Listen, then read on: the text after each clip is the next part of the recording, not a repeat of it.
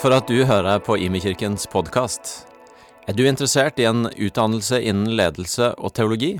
Gå gjerne inn på hlt.no slash stavanger og finn ut mer om heltids- eller deltidsstudier. Kjekt å se dere. Godt nytt år. Ja, Så bra. Godt nytt år. Ja, og så er jo da egentlig spørsmålet hva slags type nyttårsforsett har du for de neste 19 dagene? Grunnen til at jeg spør deg er at forskning, Alt forsker de på i dag, og også nyttårsforsetter. Det er altså slik at eh, 25 av den norske befolkning har da nyttårsforsetter. Eh, og de nyttårsforsettene de opphører. De har truffet en eller annen vegg eller type latskap eller you name it. Og Det innebærer at 19. januar så er 80% av de som ga sitt løfte, de har glemt ut at de ga et løfte.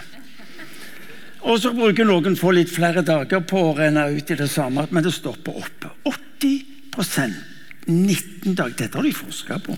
Hvordan jeg vet det? Jeg har lest om det. Så, så, sånn er det jo bare. Men mitt spørsmål til deg er Er det noen her inne som har nyttårsforsett for det kommende året? Kom, ikke, du, her er det mange som lyver. Du, ærlig talt, Hvor mange av dere har nyttårsforsett for det kommende året? Dere tar, andre tar ikke sjansen, for dere er redde for å bli ledd av når dere kommer til den 19. Um, men hvor mange av dere har hatt nyttårsforsetter en gang i løpet av livet? Kom an. Å, altså, Det er noen som fremdeles ikke løfter hånda. Kom an. Ærlig talt. Du, Nå skal du høre. Um, Ifølge University of Scranton så har de en Journal of Clinical Psychology. Der har de funnet ut de ti mest populære um, nyttårsforsettene som eksisterer. Og Her kommer altså noen av de Ikke bare at det de test, ti mest vanlige, men også tips om hvordan ser de fullført i livet. 1. gå ned i vekt. Kona mi sier den passer på deg. Og så står det en sånn en fast diett. Så jeg mener Ja. Kan du tenke deg å starte livet og, og skulle begynne å plage deg sjøl med, med, disse tankene? Det andre er at uh, de skal bli mer organisert. Kan du tenke deg når vi er skrudd sammen, så vidt forskjellige som vi er? Jeg kjenner noen som altså de kom til denne verden ferdig organisert. Mens andre igjen kommer til denne verden og lurer på hva i all verden de er blitt en del av. Bli mer organisert. Ja, dette er nummer to av disse her. Eh, da står de skal bruke mindre penger, spare mer.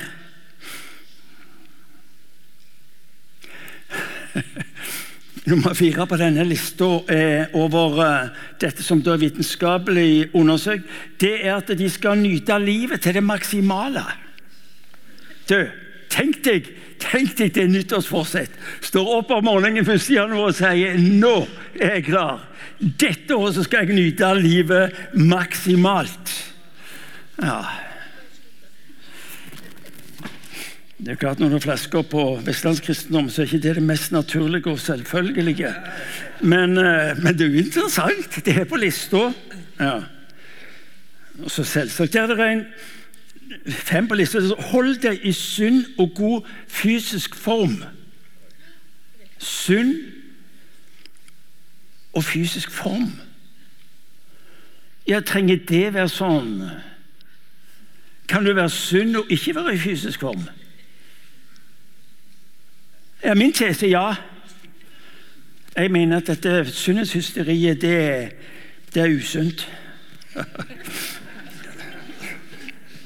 Det var som en spurte meg ikke opp, du er opptatt med å være sunn, Martin, da lever du lenger. Nei, jeg vil heller leve lykkelig enn å dø sunn. Jeg er enig. Den er nesten på kanten. Ja. Så nummer, nummer syv på den lista er å slutte å røyke. Vet du hva, folkens? Det, det er ikke problem for meg i det hele tatt. Å skulle slutte å røyke. Ikke for Frode heller, tror jeg. Nei.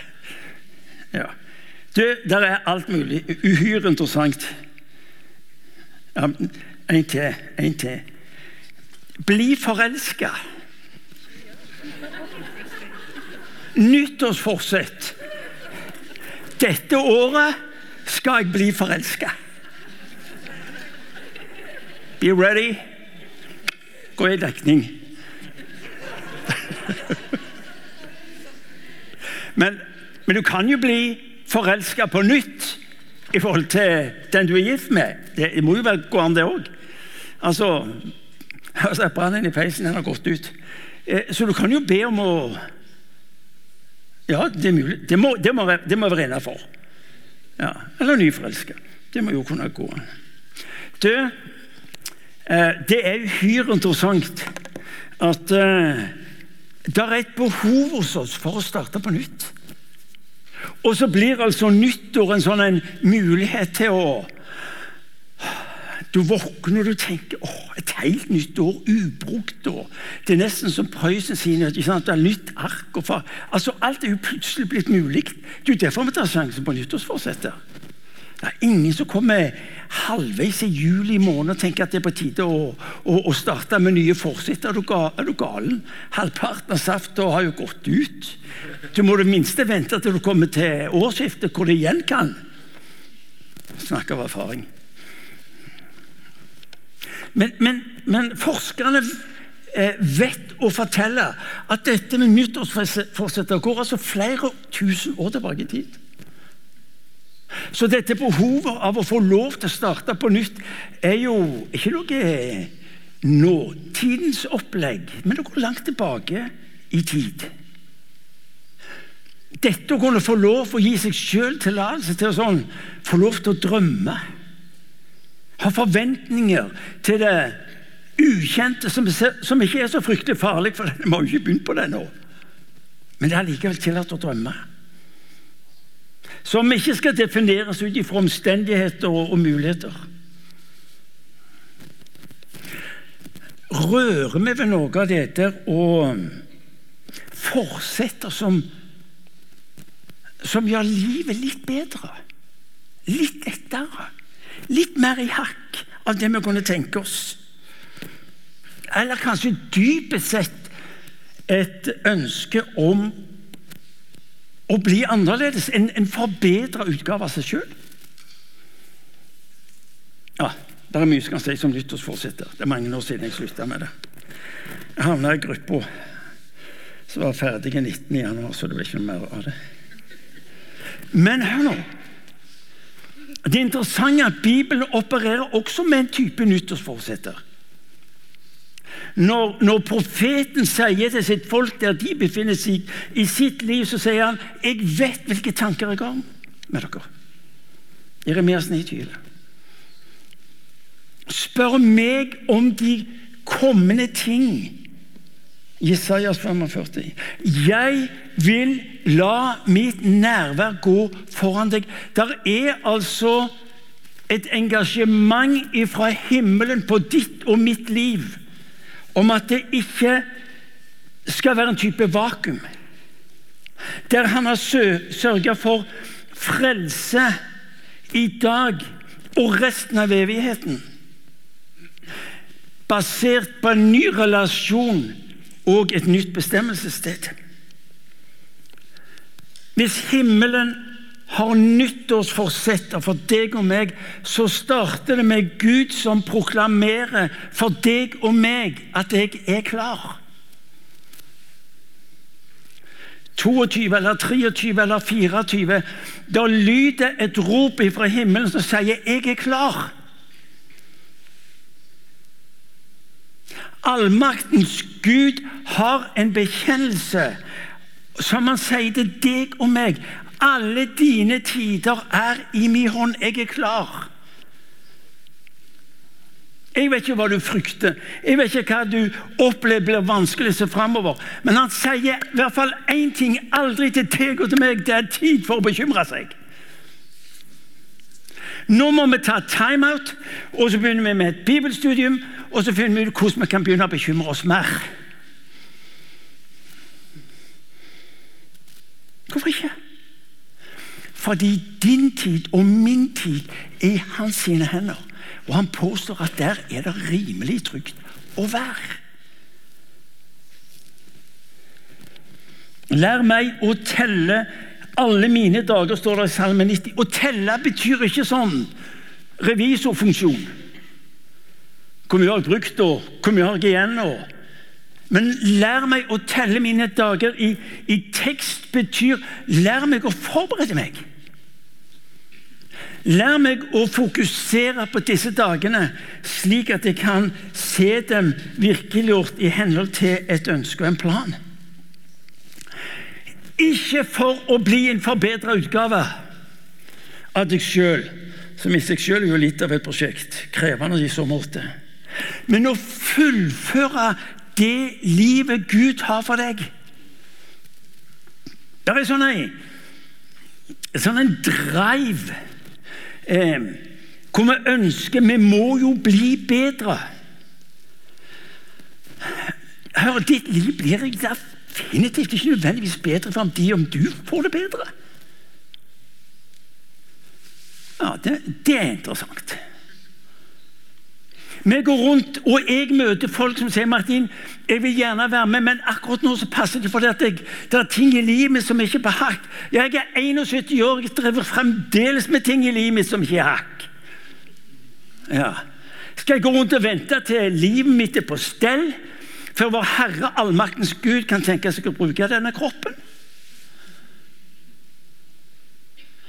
Hans utgangspunkt er da ikke jeg holdt nesten sagt, din status. Hans utgangspunkt er han elsker.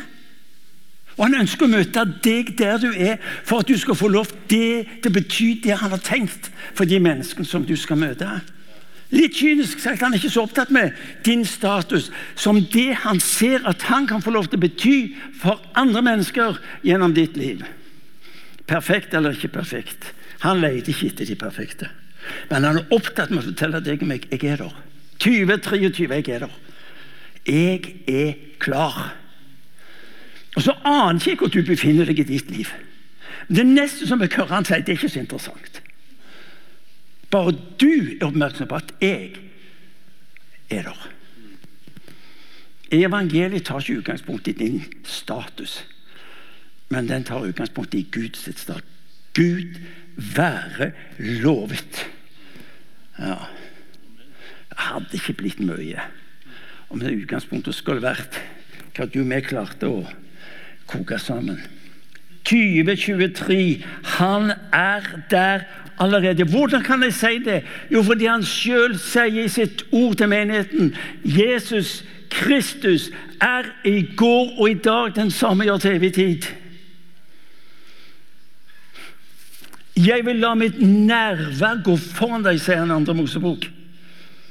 Han er der allerede. At du og meg er opptatt med å planlegge for et eller annet der framme, så er det som han sier Hør nå, jeg er der allerede. Det er nesten som, det er nesten som bildet er banalt, men av og til har vi banale bilder. Du, du, står på kaien, og der er det en båt, og du tenker at hvordan skal jeg komme over på den båten? Ikke bry deg. Det er sånn en leider. Lang gang. Jeg er der. Don't worry. Be happy. Det er derfor han sier å få noe tak i dette. da. Det er derfor han sier 'søk først Guds rike', så skal du få alt andre i tillegg. Guds rike, når, han, når det står 'søk først Guds rike', så sier han egentlig 'søk først meg'. Så skal du få alt andre i tillegg. Alt. Alt. Hvis han ikke hadde ment alt, så hadde han ikke skrevet det. Da hadde han skrevet 'søk først Guds rike', og så skal du få alt det andre, alt etter omstendigheter, og som du fortjener, eller det går i hop, så skal du få litt av det. Det er ikke det han sier. 2023 må være et år hvor du og meg våger å stoppe opp for å si vet du hva? Han mente det han sa, det var derfor han sa det. Det er veldig enkelt sagt, men dø man hvor sant det er.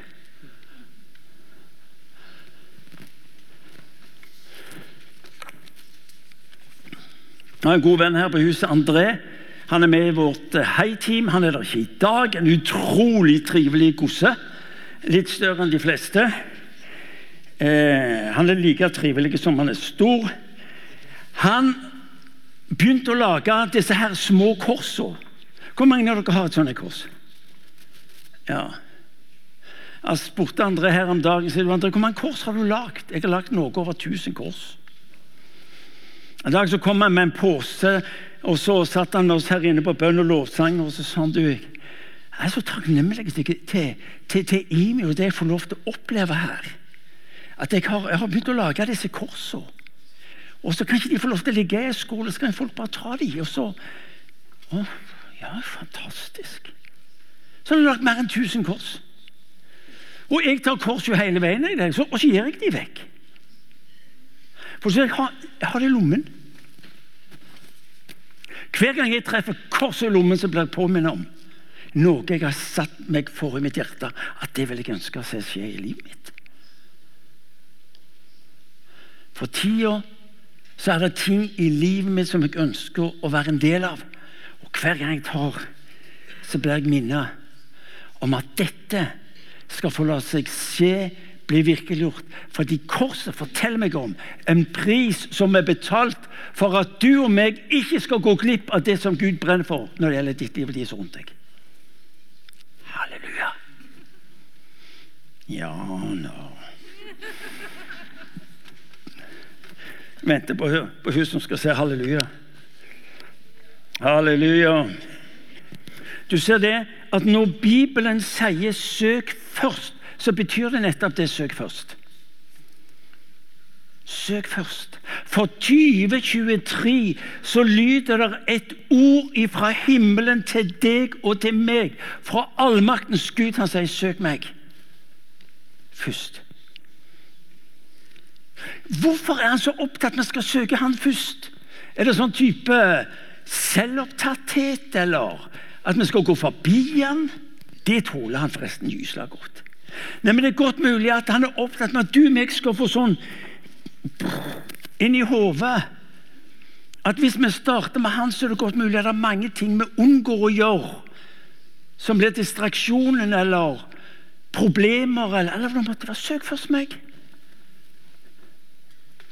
For meg er det ubegripelig at ikke all verdens mennesker på denne kloden står i kø for å få lov til å være unna det der løftet.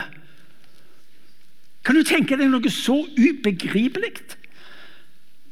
Gratis, tilpasset enhver kultur, ethvert menneske. Søk først meg, og du skal få alt det du trenger til deg.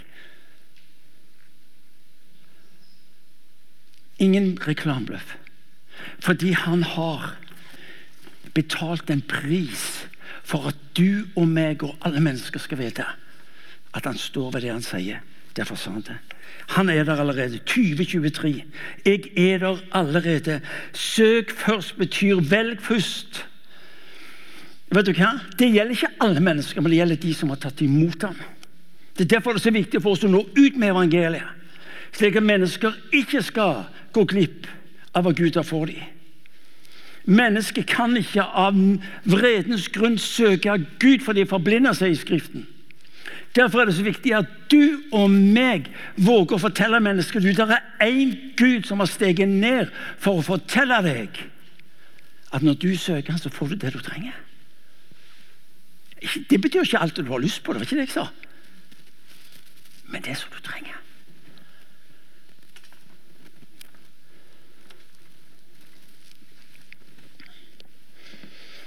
Du er sønn, du er datter. Du får lov til å velge å søke Han, og du får lov til å kjenne deg dratt imot det Han har for deg.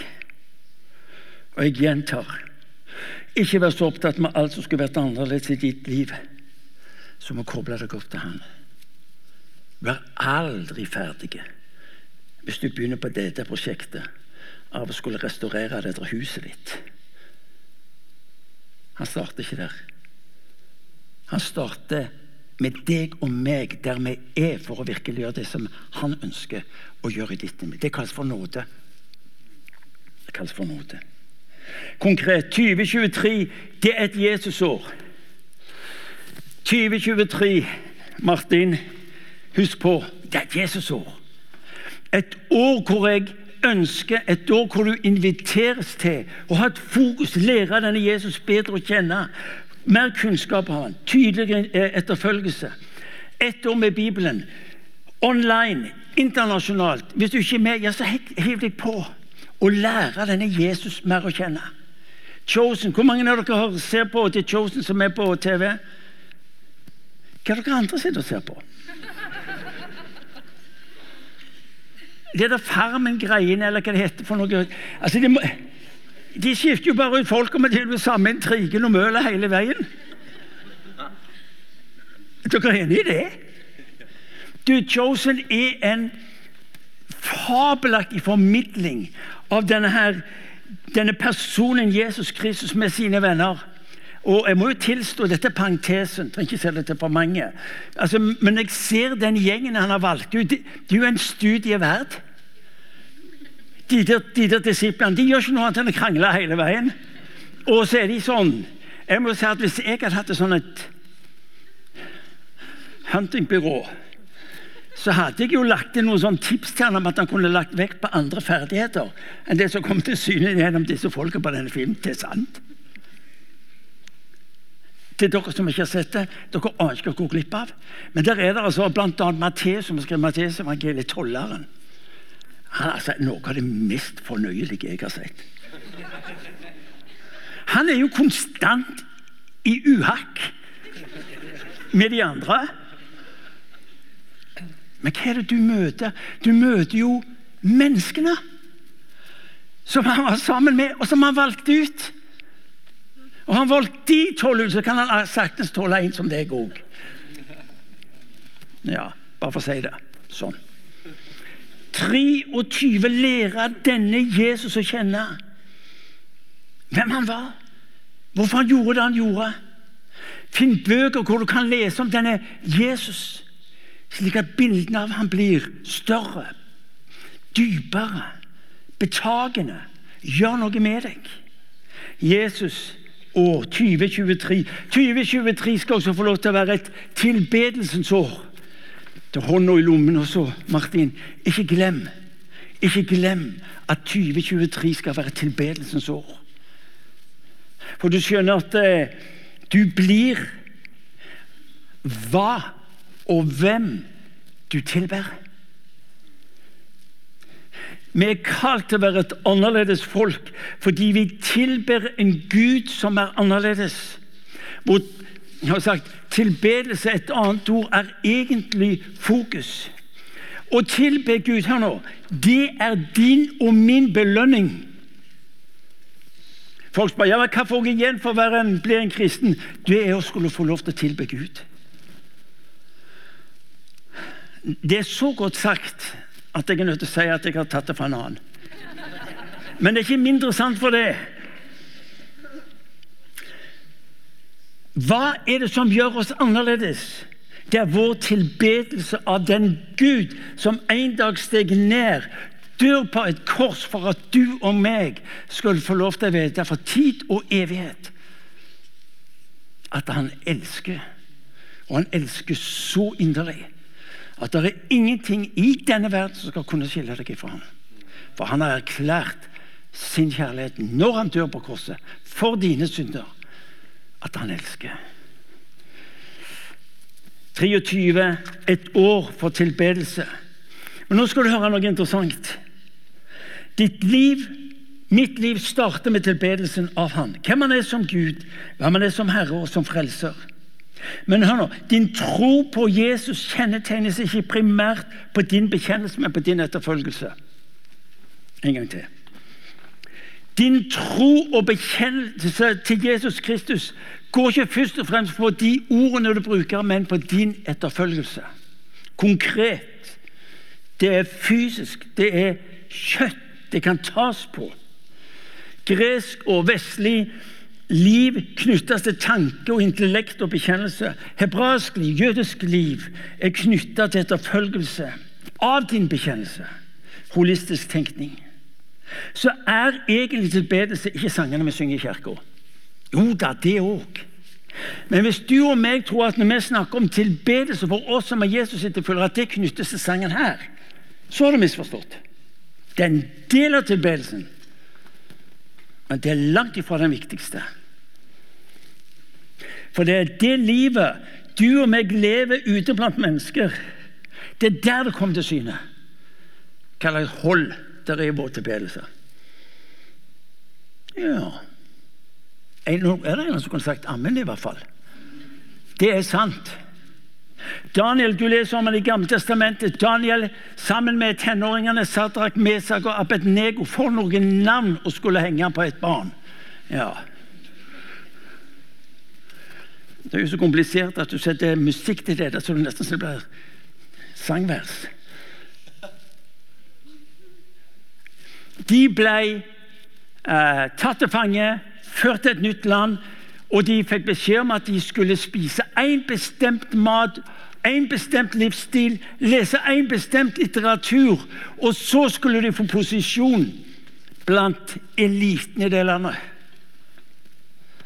Hele den kulturen de har kommet inn i, ser på dette som den høyeste form for belønning og det var framtid og håp knytta til det. Der er altså tenåringen Daniel, og han sier No way. Jeg vet hvor jeg kommer fra. Jeg vet hva min tro er forankra i. Jeg vet hva jeg sier ja til eller nei til ut ifra hva som fører meg nærmere den Javé som jeg tror på. Jeg vil ikke ha det.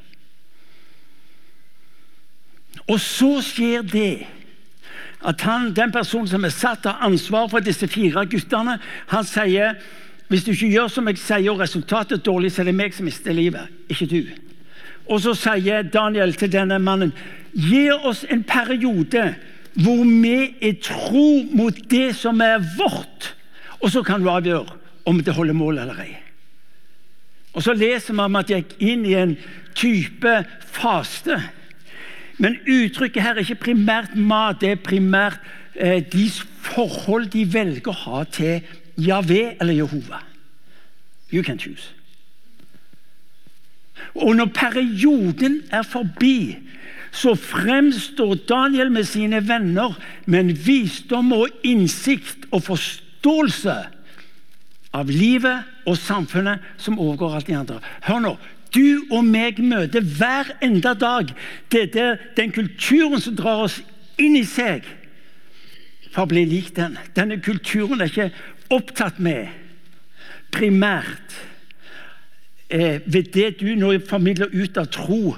For den er opptatt med å ta deg inn i sin kultur. Hvis du som kristen bekjenner troen på Jesus på jobb, eller hvor det måtte være henne, så kjenner du noe av trøkk. Ja, det er akkurat det samme. Men når du og meg vil våge å være tro mot det Gud har gitt oss, så skjer det en forandring. Hør nå. Det er så viktig at tilbedelsen er altså nøkkelen til forandring av samfunn. Tilbedelsen på den Gud som vi tror på, og som vi følger? Nei takk. 2023 et forvandlingens år. Det er interessant at i bergpreika, denne kraftfulle undervisning fra Jesus, så, så sier han noe uhyre interessant. Dere er jordens salt. Dere er verdens lys. Det er altså ikke primært hva du gjør, men hvem du er i denne verden, som har betydning. Du er ikke kalt til å være lys og salt i denne verden. Du er det i kraft av at du er født på ny og blitt en Jesus-etterfølger. Et annerledes folk, ikke i kraft av hva du gjorde, men hvem du er. Som Jesus. Jesus sier 'jeg er verdens lys', og du og meg sier av og til ja, men det er Jesus som er verdens lys. Han sier nei, nei, nei, nei, nei. Jo da, det er delvis sant, men du òg er lys. Her sitter vi som små tente lys. Og så peker vi på han. Vet du hva? De ser ikke Jesus som hovedlyset, de. De ser deg. De ser meg. Vi må slutte å gjemme oss bak Jesus.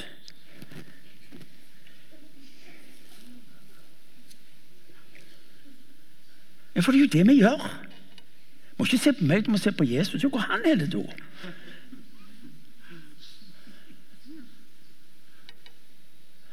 Dere har hørt meg si det mange ganger. Denne verden har ikke sagt nei til Jesus, men de aner bare ikke riktig hvordan han ser ut.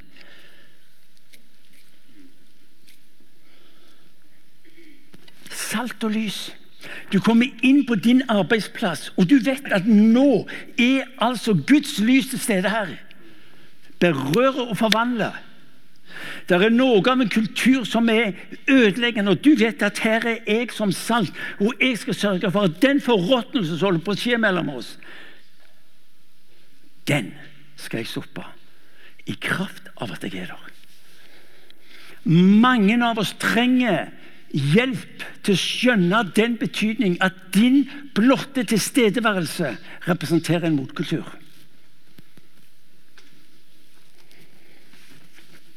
Et annerledes folk. Et folk som har lært seg å elske Gud på samme måte som de elsker mennesket. Det store budet som Jesus snakker om. Et forvandlingsår, et forvandlingsår i kraft av hvem du er i denne verden.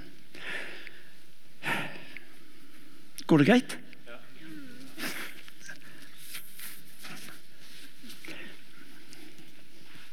Ja, ja men det er bra. At det går bra, altså.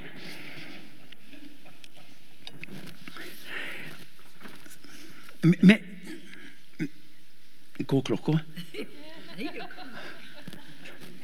Kona mi sitter på første benk, og så Men min fordel er jo at jeg, jeg ser stadig vekk dårligere og dårligere. Så jeg, 2023 er også et gjennombruddsår. Da jeg i forberedelse og i forkant av denne tid, disse dagene hvor jeg har vært vekke i bønn og faste og, og så Gud, hva, hva, hva, er det 2023 skal få lov til å representere? Og så Det skal være et gjennombruddsår. Det skal være et gjennombruddsår. Men nå må du få tak i der du og meg roper til Gud Gud, du må gjøre noe mellom oss, så vil han si til deg men jeg er jo her allerede. Hva du holder på med? Du kan da ikke be meg om å handle når jeg har gitt deg alt det du trenger, som denne verden roper etter.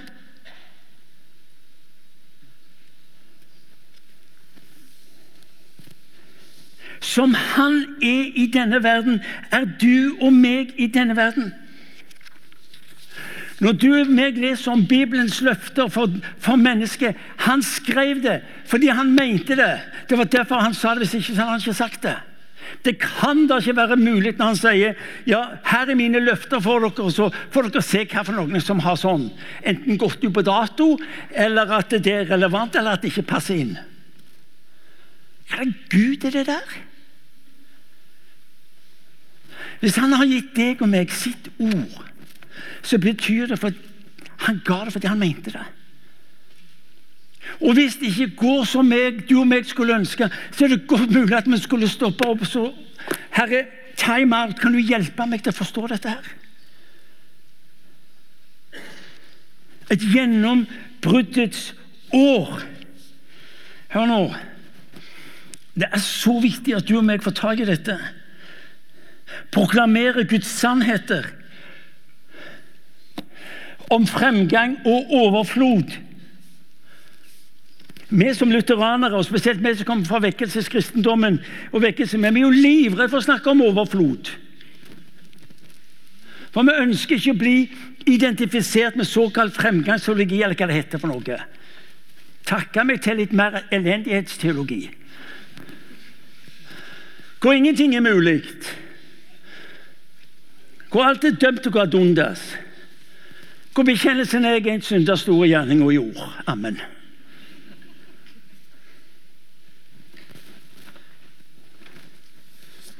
Proklamere Guds Det går dårlig med bedriften.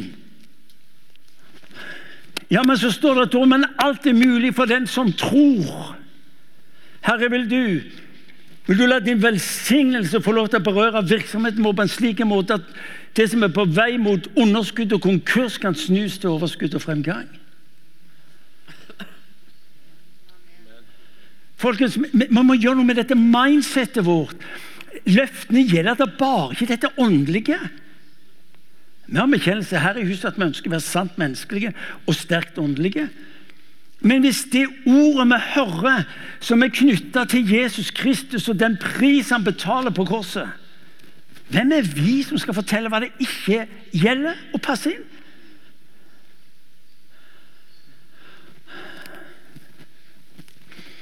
Ja, Dere skjønner jeg prøver å si noe. Hvordan praktiserer vi Guds rike i møte med nøden og smerten som omgir oss? For tida opplever jeg, og det gjør noe med meg, når jeg møter så mye smerte iblant oss, folkens. Det er så mange av mine venner i dette huset som bærer på en konstant smerte med bakgrunn i sykdom som de ikke kommer til rette med. Jeg er så fortvila. Min bønn, Herre, vil du vil du la oss få se et gjennombrudd i møte med sykdom, i møte med mennesker som ikke makter livet, som ikke orker mer. Stapper hånda mi i lommen, og så blir jeg minnet. Jesus, du har betalt en pris for våre synder, slik at himmel og fremtid den har du kontroll over. Men det er også et kors som gjelder det livet du og meg lever, som har betydning, og som denne verden lengter etter å erfare. Jesus, du må gjøre noe, sier vi i våre bønner, og han sier slutt å mase. Dere skal. 2023 skal altså få bli et sånn et gjennombruddets år. Fra følg meg til jeg er med deg. Det starter med Jesus som sier 'følg meg', og det avsluttes i Matteus 28, hvor han sier 'jeg er med deg'. Så er en underlig beretning i, eh, i Matteus evangeliet kapittel 8, 23. Stormen på sjøen, det er det er disiplene som sammen med Jesus er på vei over Genesaretsjøen. Eh, disiplene, noen av de erfarne fiskere, de får panikk. Bølgene er høye. Og der presterer Jesus å ligge i båten og sove. Dønn ærlig, folkens. Er tider så virker det som vår Herre har sovna. Vi må henvende oss til Han. Bedt om at Han skal gripe inn, bedt om at Han skal handle. Og så er det null svar. Disiplene nådde grensen og fant ut nok er nok, og så går de bort, og så vekker de han. Jesus reiser seg opp, stiller stormen. Men så er det en reaksjon som er høyst interessant. Han skjeller de ut. En gang til. Han skjeller de ut. Ordet som brukes, er et kraftig oppgjør med. Og så sier han dere lite troende. Hva var det han forventet de skulle gjøre? Han forventet det var de som skulle stille stormen. Der du møter det som følger deg med skrekken og gruen og hva det måtte være, og du roper til Gud om at han skal gripe inn og gjøre noe der han ligger i båten og sover.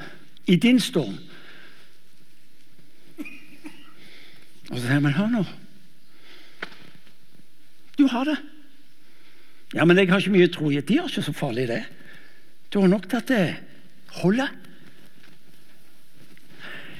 2023 gjennombrudd. Jesus snur det mot oss. Til slutt, og så kan jeg begynne å slutte. 2023 er kjærlighetens år.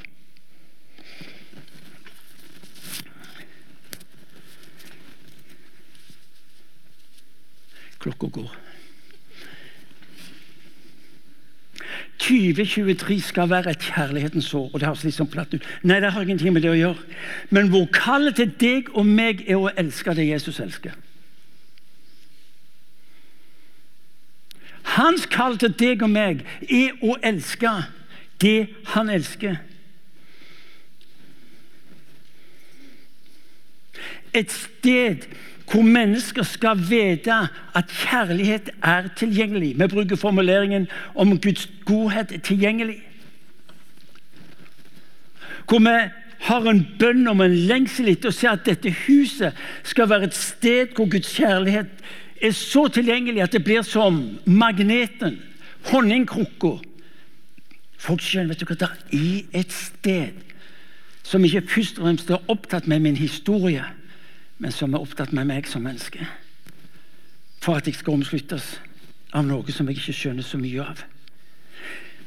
Derfor blir menigheten så viktig, for det er et sted hvor jeg ikke kommer alene med min spinkle tro, men det er et sted hvor jeg får lov til å være sammen med de andre, se som de, være en del av teamet, være en del av laget. Hvor gudstjenesten holdes som høydetrening. Det er ingen av disse gutta som driver på oppe i høyden og pustevansker, som skjønner hva de holder på med, men de erfarer effekten når de begynner å leve blant de andre. Gudstjenesten er slik et sted hvor du kommer sammen med de andre for, for at han gjør noe i ditt liv. Det står om Jesus at han gikk i synagogen for gudstjeneste hver sabbat.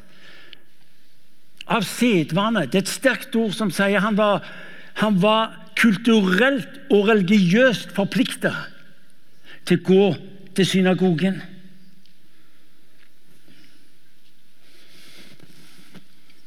Ditt gudstjenesteliv Nei, ditt hverdagsliv vil være et gjenskinn, vil være et gjenskinn av ditt gudstjenesteliv.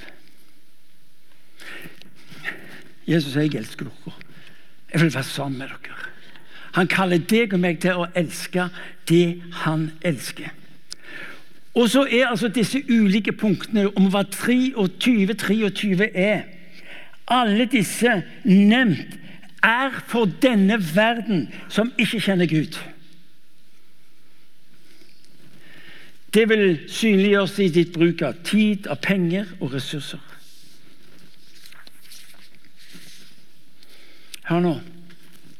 Det at du og meg ser på 2023 og ser det med de muligheter som jeg har forsøkt på mitt vis å skissere Denne verden ville elske om den hadde skjønt hva innholdet var av disse løfter for deg og meg.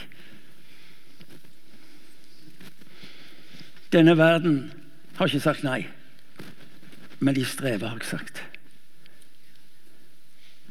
Andre kongebok, kapittel 4 leser vi om ei enke. To sønner. Fortvila for hele, hele, det økonomiske fundament, hele driven i familien, stopper opp, og hun ser ingen retning. Så sier hun til profeten det, det går ad undas om ikke du hjelper. Og så spør profeten hva har du i huset.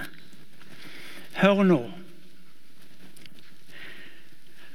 Gud spør ikke etter hvor mye du har, men han spør hva du har. Det at du og meg er opptatt med å gi han en liste på alt som burde forbedres ut ifra nyttårsforsettet og you name it, så spør jeg spør deg ikke om det. Han spør hva har du i huset. Og så sier enka jeg har i huset kun en liten krukke med litt olje i. Vi er eksperter på det vi mangler. Vi er eksperter på det som skulle vært annerledes. Vi er eksperter på det som ikke holder mål. Han spør ikke det, de tingene, han spør hva har du i huset ditt.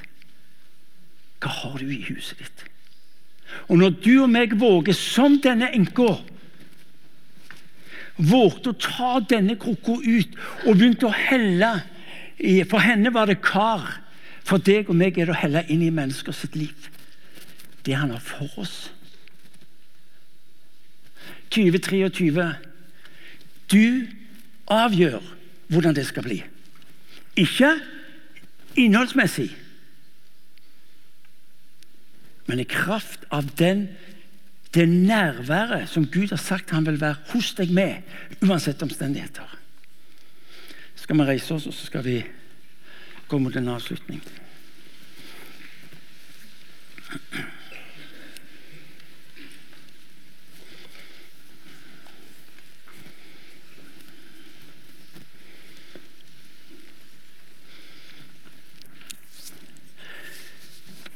2023